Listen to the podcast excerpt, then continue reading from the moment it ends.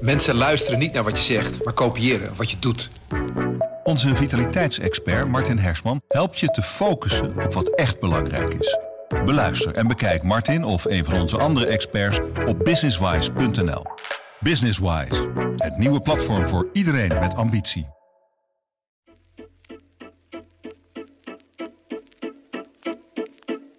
Hallo, dit is Haags Half Uurtje, de politieke podcast van Trouw. Mijn naam is Christel Smit. De politiek staat voor de zware taak om het vertrouwen van de burger terug te winnen. Deze week heeft het kabinet een stap in die richting gezet, althans een poging daartoe gedaan. Want het is de bedoeling dat u, de burger dus, straks naar de rechter kan stappen als een nieuwe wet mogelijk in strijd is met de grondwet. Dat kan nu namelijk nog niet. Ik praat erover met politiek redacteur Petra Vissers. Petra, welkom. Dankjewel. Hey, jij volgt hier in Den Haag uh, alles wat met rechtsbescherming te maken heeft. Ja, um, wat, uh, wat voor een plan hebben wij deze week zien passeren?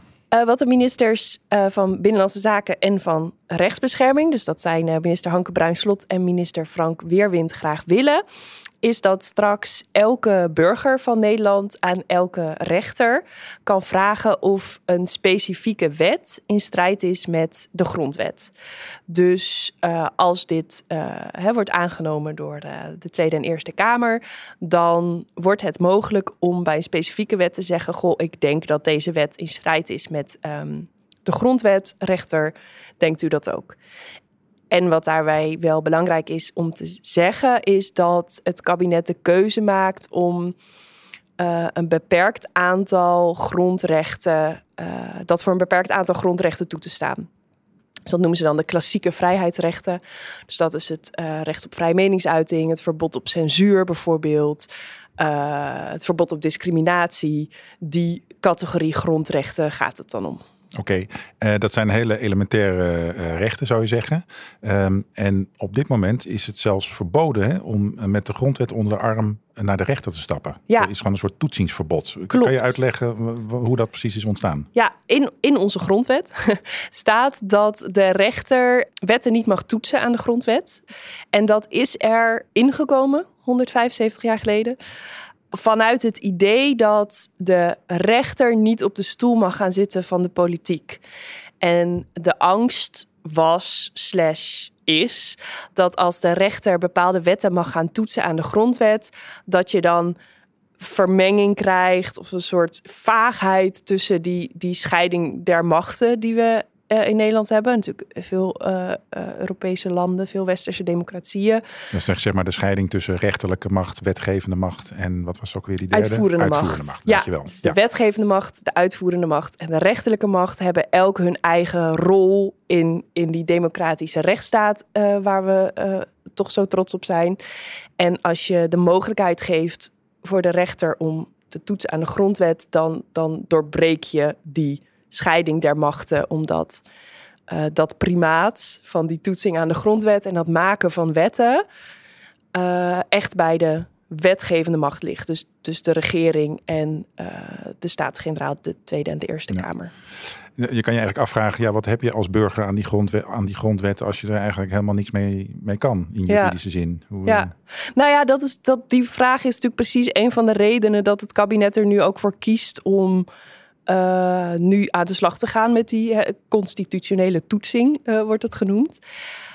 is ook deels, zegt ook, hè, ik heb minister Bruinslot daarover gesproken, deels is dat ook om die grondwet levend te maken. Ze zei ook, hè, de, de grondwet van Thorbecke die bestaat dit jaar, 175 jaar. Het is ook een bijzonder jaar. En het is eigenlijk de basis van alles. En de hoop is ook dat met die toetsing ook voor burgers die grondwet meer gaat leven en ook een, ja, een document wordt waarmee ze zich verbonden voelen. En hetzelfde is de hoop geldt dan ook voor de Kamerleden die uh, natuurlijk moeten oordelen over die wetten of, of die wetten moeten maken. Dat zij ook meer gaan nadenken over het belang en de status van de grondwet. Um, Petra, je had het al over die scheiding der machten. Um, het, als ik het voorstel goed begrijp, dan uh, wil het kabinet eigenlijk een deel van uh, zijn bevoegdheden juist weggeven aan de rechterlijke macht. Is dat niet heel bijzonder dat het kabinet eigenlijk gewoon zegt van sorry, maar wij gaan bepaalde dingen niet meer doen? Ja, nou dat, het, dat heb ik natuurlijk ook voorgelegd aan de minister en zij zegt Uh, dat is niet zo. Zij zegt het, het um, uiteindelijk blijven het natuurlijk de wetgevende macht die de wetten maakt en die ook moet zorgen dat dat goede wetten zijn. Dus, dus dat wat er in zo'n wet staat niet in strijd is met de grondwet. Zij zegt dat blijft zo. Kijk, ik heb bijvoorbeeld ook gevraagd: maakt dit de Eerste Kamer dan overbodig? Want het is natuurlijk eigenlijk de Eerste Kamer die geacht wordt uh, wetten te toetsen op uh, hun kwaliteit. Ja, dat vroeg je aan minister Bruinslot, hè? Want die, had je, ja, die heb je geïnterviewd. Ja, ik heb minister ja. Bruinslot inderdaad gesproken deze week. Dus ik vroeg ook van ja, wat eh, maakt zo'n constitutionele toetsing dan de Eerste Kamer overbodig? Of is het ook onmacht van de Eerste Kamer dat dit nodig is? Zij zegt van niet. Uh, zij zegt het, het, blijft aan de wetgevende macht, dus de regering en de Eerste en Tweede Kamer, om goede wetten te maken die niet in strijd zijn met de grondwet. Daar verandert niks aan. Die constitutionele toetsing is, noemt zij dat dan, een extra slot op de deur. Ten eerste omdat je niet alles kan voorzien. Ze zegt ook, ja, soms zie je gewoon dingen over het hoofd. Uh, dus dan nemen we misschien een wet aan die inderdaad niet zo goed blijkt te zijn als wij dachten. Nou, dat is in de huidige uh, politieke realiteit zou dat kunnen, maar dan ben je wel heel slordig. Wat zij ook zei, wat ik opvallend vond, is dat het ook wel bedoeld is om de rechtsstaat te beschermen voor het geval de democratie een bepaalde afslag neemt. En daarvan zei ze ook dat is nu misschien niet voor te stellen, maar het is natuurlijk in de loop van de geschiedenis meermaals gebeurd dat via democratisch gekozen weg mensen aan de macht komen die bepaalde bevolkingsgroepen uitsluiten, bijvoorbeeld. Dus zij zegt: kijk, stel er komt een, uh, een Tweede Kamer die zegt: wij vinden het prima als uh, bepaalde bevolkingsgroepen uitgesloten worden van het onderwijs, de zorg. Dan kun je met die constitutionele toetsing zeggen dat is een wet die buiten werking gesteld moet worden dus dat vond ik wel interessant aan wat zij uh, vertelde en wat zij ook wel als motivatie gaf. Ze zei ook, ja, ik ben ook opgeleid als militair. Hè. Zij, zij heeft ook gediend in Oeruzkan. Je moet ook rekening houden met de scenario's die je echt heel erg onwaarschijnlijk acht en heel erg onwenselijk acht.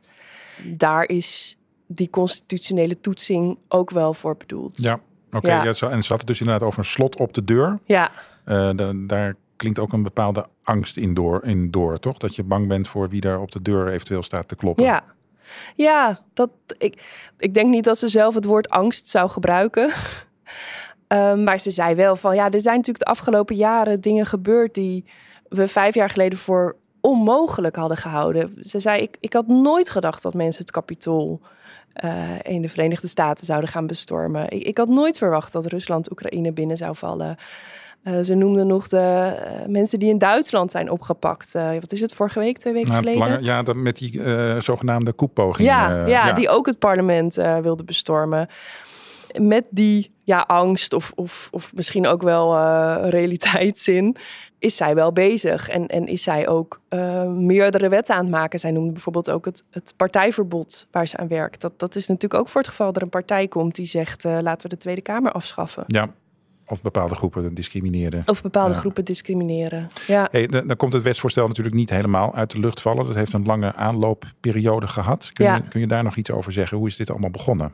Nou, dit is uh, de, de, eerste keer dat hier een uh, initiatiefnota, een voorstel over werd ingediend, was uh, twintig jaar geleden. Dat was Femke Halsema, toen zij nog Kamerlid was voor GroenLinks. dat was in eerste instantie ook um, breder ik vertelde net hè, dat het kabinet ervoor kiest om uh, alleen die toetsing toe te staan op specifieke grondrechten. Dus vrij meningsuiting, verbod op censuur, die klassieke vrijheidsrechten. Wat bijvoorbeeld niet mogelijk wordt, is de rechter vragen om een oordeel te vellen over wat ook in de grondwet staat: het recht op huisvesting of het recht op goede zorg. Dat zijn de sociale Dat noemen ze de sociale grondrechten. Kijk, daarvan zegt het kabinet: daar moeten te zeer politieke afwegingen in gemaakt worden om dat aan een rechter te vragen. Uh, die grondrechten stonden wel in dat voorstel 20 jaar geleden. Dat heeft het niet gehaald. Dat is uh, op den duur teruggetrokken, omdat ook wel duidelijk was dat ze dat niet zouden halen. Toen zijn er een aantal commissies geweest en een aantal wijze mensen die daar ook allerlei verschillende adviezen en, en oordelen over hebben gegeven. En het is eigenlijk sinds de toeslagenaffaire en sinds uh, wat er is gebeurd in Groningen natuurlijk met de aardbevingen, uh, ook wel dankzij Kamerlid Pieter Omtzigt, is het nu echt wel in een heeft het een momentum gekregen. Natuurlijk ook vanuit de wens om uh, die nieuwe bestuurscultuur van het huidige kabinet en het vertrouwen tussen burger en overheid. Heeft die eigenlijk hele langslepende discussie heeft, heeft nu een momentum waardoor het uh, mogelijk lijkt te gaan worden. Oké, ja. hey, er is nog een andere eigenaardigheid van, of een grote eigenaardigheid van het Nederlandse systeem. En dat is dat uh, wij kennen geen constitutioneel hof. Nee. grondwettelijk, heel veel landen hebben dat. Ja. He, Duitsland heeft dat beroemde Bundesverfassungsgericht in Karlsruhe. Dat heeft heel veel macht. Ja. Uh, waarom heeft Nederland geen constitutioneel hof? Nou ja, dat is ook wel voorgesteld uh, om een constitutioneel hof op te richten. Uh, om die toetsing mogelijk te maken. Daar kiest het kabinet niet voor vanuit het idee dat dat niet past in de manier waarop ons rechtssysteem nu eenmaal is ontstaan. Dat is één. En ook omdat het kabinet zegt: er zijn al heel veel rechten die alle rechters in Nederland op dit moment mogen toetsen, die bijvoorbeeld in Europese verdragen staan, die heel erg lijken op wat er in onze grondwet staat. Zij zeggen: je krijgt het rare effect als je zo'n speciaal hof inricht dat, dat dan de rechter wel mag toetsen aan het Europees Verdrag voor het Recht van de Mens bijvoorbeeld. Maar als er dan een beroep wordt gedaan op de grondwet, moet hij ergens anders naartoe verwijzen. Zij zegt dat wordt heel onduidelijk en werkt ook heel erg vertragend. Dat is één. Twee is dat er ook wel angst is voor juist dat zo'n constitutioneel hof veel politieker gaat zijn of geïnterpreteerd gaat worden als allemaal verschillende rechters door heel het land die, uh, die uitspraken kunnen doen hierover. Oké. En, en, ja, dat heeft ook wel een beetje te maken met de Amerikaanse werkelijkheid in de VS, waar natuurlijk de, de, de rechters ook politiek uh, benoemd zijn. Dat wil het kabinet niet. Deze week zei uh, Joost Steller, Kamerlid voor D66, in het debat over die constitutionele toetsing, zei hij ook, ja, we, we moeten wat dit betreft ook echt uh, de Nederlandse saaiheid van dat uh, van die rechtelijke macht koesteren. Hij zei hoe leuk ik het ook vind om uh, alle drama te zien uh, en alle intriges rondom dat Amerikaans Hoge Rechtshof. Dat, dat moeten we gewoon niet willen. Oké, okay, maar goed, er zijn nog steeds wel stemmen uh, die pleiten voor zo'n constitutioneel hof. Die discussie ja. is nog niet voorbij. Uh, nee, nou ja, Pieter Omtzigt, die wil dat heel graag. Die, uh, die heeft zelf ook een initiatiefnota ingediend over dit onderwerp. Dus die heeft zijn eigen plan geschreven. En hij wil heel graag een, wel een constitutioneel hof. En dat is bijvoorbeeld ook waar een commissie die geadviseerd heeft over het parlementair stelsel. onze Johan Remkes. Wie anders? Wie anders. Uh, die heeft dat ook geadviseerd. Uh, maar de rechtelijke macht wil dat zelf ook niet. Dus, dus de uh, rechters waaraan het gevraagd is, de instituten waaraan het gevraagd is, die, die pleiten daar ook niet voor. Waarom pleiten Omzicht en de vroegere commissie Remkes, wat waren hun argumenten voor zo'n hof? Dat argument is deels dat je de expertise bundelt. Dus uh, je krijgt natuurlijk uh, hele wijze mensen die heel veel weten over uh, die specifieke relatie tussen wetten en de grondwet. en, en dat zou ook, het, het, geeft ook een bepaalde statuur en een bepaalde duidelijkheid dat je dan naar dat constitutioneel hof kan. Um, ja, daar heeft het vooral mee te maken. Ja, ja. oké. Okay. Uh, Petra, ik heb de indruk dat deze discussie ook een beetje uh, naar de oppervlakte is komen drijven vanwege alle affaires die we de afgelopen jaren hebben gehad. De toeslagenaffaire, Groningse gasdrama, om het zo maar eens te noemen.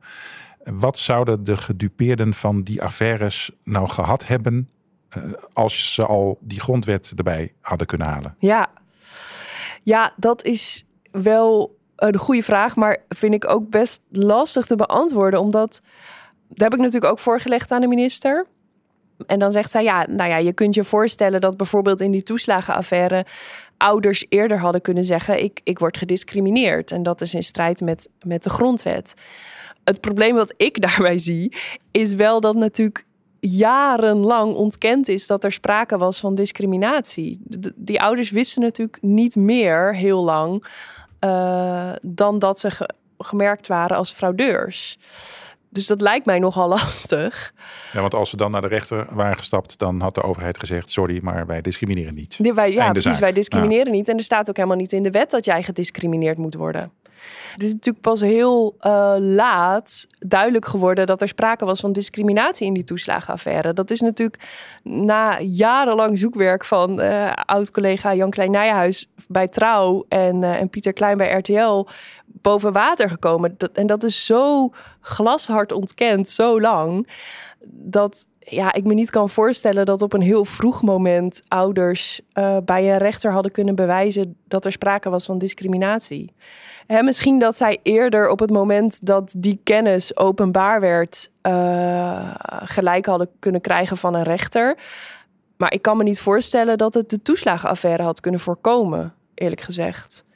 Ik denk dat je echt meer moet denken aan, als je het concreet wil maken, toch aan overheden die wetten gaan invoeren die heel duidelijk in strijd zijn met bepaalde grondrechten. Dus bijvoorbeeld, hè, minister Bruin Slot die noemde bijvoorbeeld als voorbeeld. We hadden net even over discriminatie, maar je kunt je natuurlijk ook eh, misschien voorstellen dat er een overheid komt die zegt: Nou, ik wil dat jij bepaalde dingen niet meer opschrijft in de krant.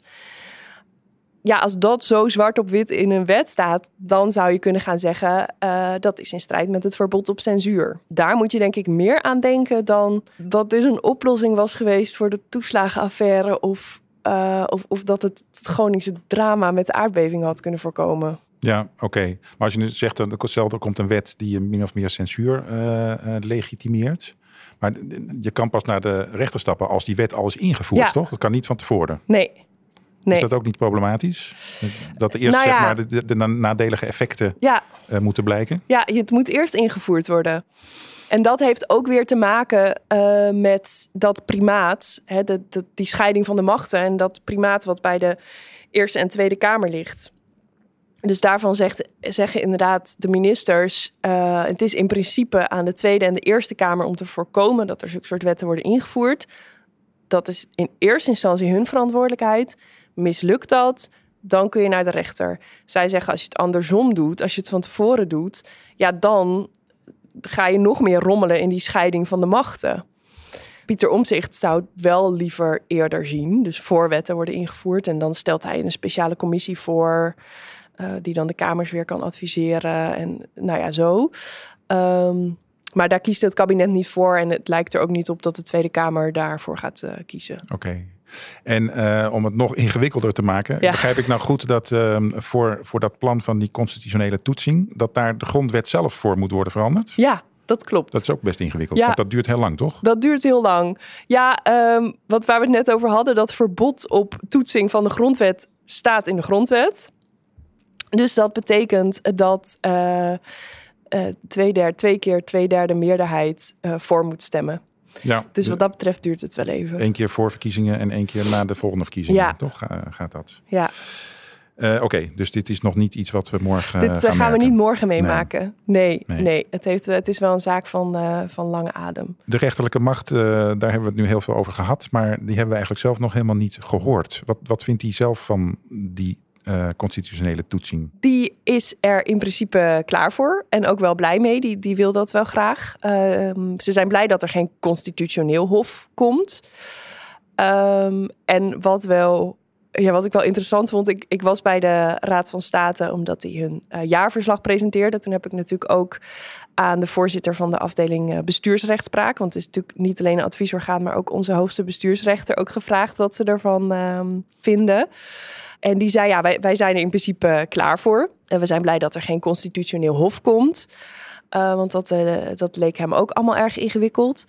Maar wat hij ook zei, en dat vond ik dan wel weer interessant, is ja, ik verwacht ook niet dat er heel erg veel verandert.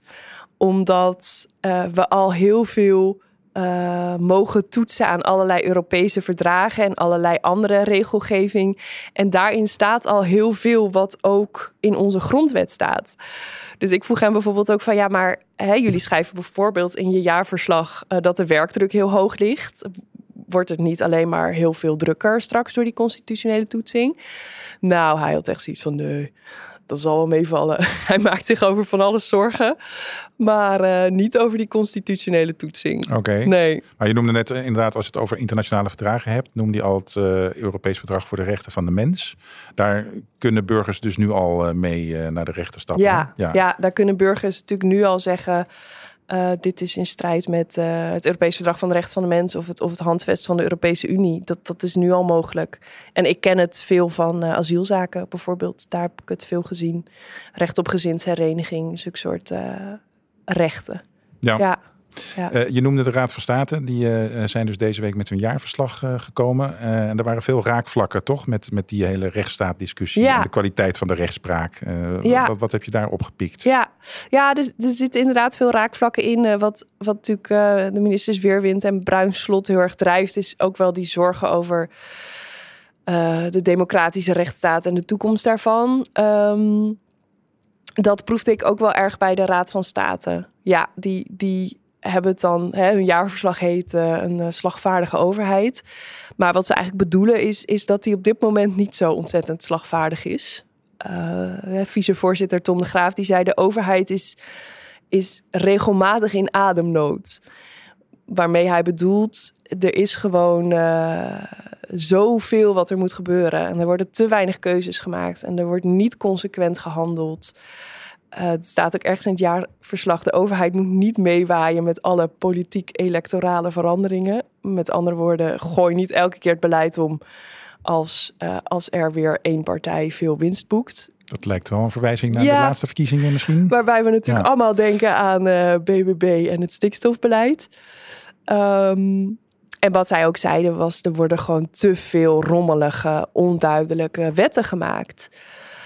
En, Hebben ze ook voorbeelden daarvan genoemd? Nou, dat, dat, daar wagen ze zich dan weer niet helemaal aan.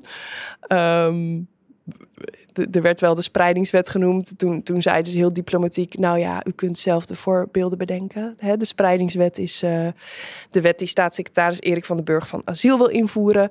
Waarvan eigenlijk iedereen, inclusief de Raad van State, zegt: dat is geen goede wet. Hij is te onduidelijk, hij is te rommelig. De verantwoordelijkheden zijn niet helder. En daarvan zegt het kabinet en Tweede Kamer: Nou, dat gaan we toch doen.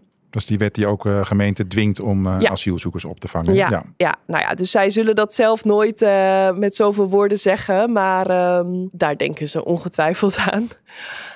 Um, en, en wat ik ook interessant vond was Bart-Jan van Ettenkoven. Dat is de voorzitter van de afdeling bestuursrechtspraak, dus onze hoogste bestuursrechter. En als je het hebt, hè, dan gaat natuurlijk dit ook over de relatie tussen politiek en rechterlijke macht. Tussen de wetgevende macht en de rechterlijke macht dan in dit geval. Zei hij ja, maar omdat de politiek geen keuzes maakt en de bal vooruit blijft schoppen en geitenpaadjes blijft zoeken, dwingen ze ons, de rechters, om die keuzes te maken op basis van wat er wel ligt, namelijk Europese regels bijvoorbeeld, of andere internationale regels, of zelfs nationale regels, waar geen uitvoering aan wordt gegeven.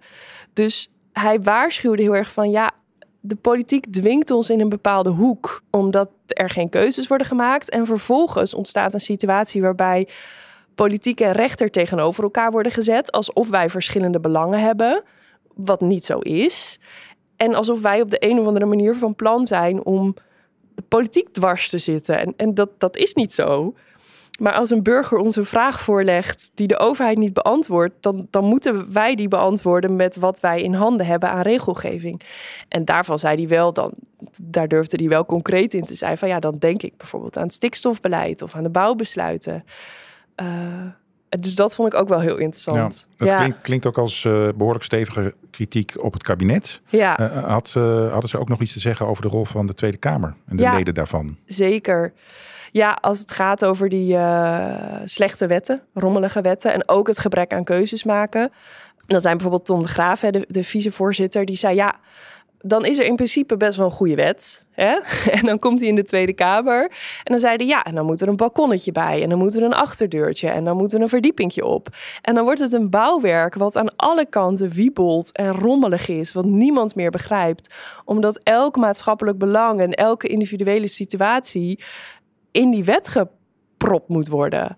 En dat maakt dat maakt uh, de situatie niet overzichtelijker voor de organisaties die die wetten moeten uitvoeren. Ook niet voor burgers en ook niet voor rechters. Dus die Bartjan van Ettenkoven die zei op den duur, dat vond ik wel mooi, die zei ja, de rechter moet uh, wetten maken met duidelijke spelregels en de vrijheid voor organisaties die het moeten uitvoeren om individuele afwegingen te maken. Dan heb je een betrouwbare overheid en een betrouwbare rechtsstaat. En dan weet iedereen waar die aan toe is. En dat gebeurt nu gewoon te weinig. Ja, dus het is ook een beetje het samenspel van kabinet en Kamer die die wetten ingewikkeld en zeker. onuitvoerbaar zeker. maakt. Ja, ja, het is zeker niet alleen uh, dat ze alleen de, het kabinet aanspreken. Ze spreken ook heel nadrukkelijk de Tweede Kamer aan. Ja, en met twintig fracties wordt dat ook niet makkelijker. Nou, dat eh, helpt niet. Nee. nee. dat zei Tom de Graaf natuurlijk ook. Die versplintering uh, helpt niet. En dan zegt hij wel, ja, dat, dat is geen verwijt, het is een constatering. Um, maar dat is natuurlijk wel zo. Petra, we begonnen uh, dit gesprek met de constatering dat de overheid uh, het vertrouwen van de burger moet terugwinnen. Uh, als we eventjes weer teruggaan naar, die, naar dat constitutionele toetsingsvoorstel. In hoeverre zal dat erin slagen om die burger warm te maken voor de rechtsstaat? Ja, ja ik vraag het me af.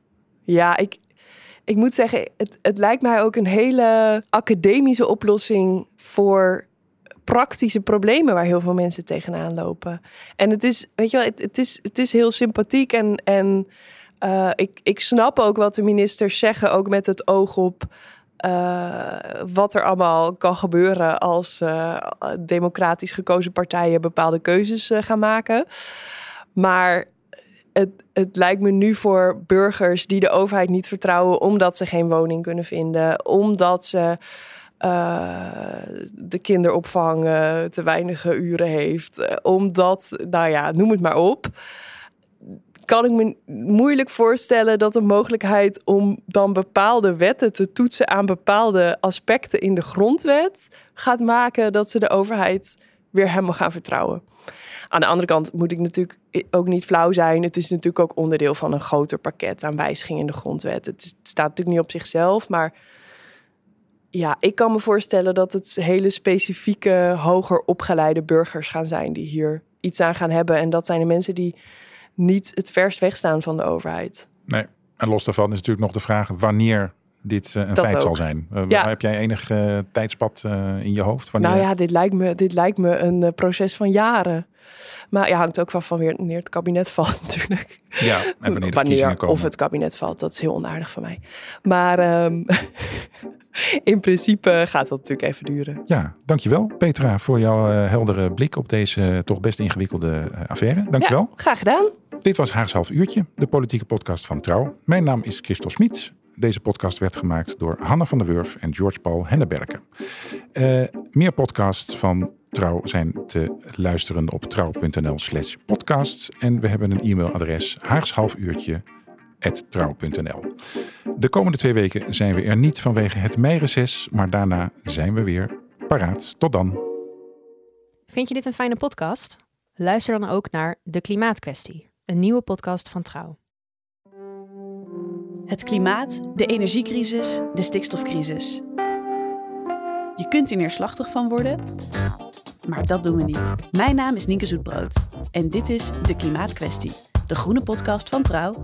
Samen ontrafelen we wat er speelt en wat we doen om ervoor te zorgen dat de aarde niet vergaat. Je luistert de nieuwe podcast van Trouw binnenkort in alle podcast-apps of via trouw.nl/slash podcast.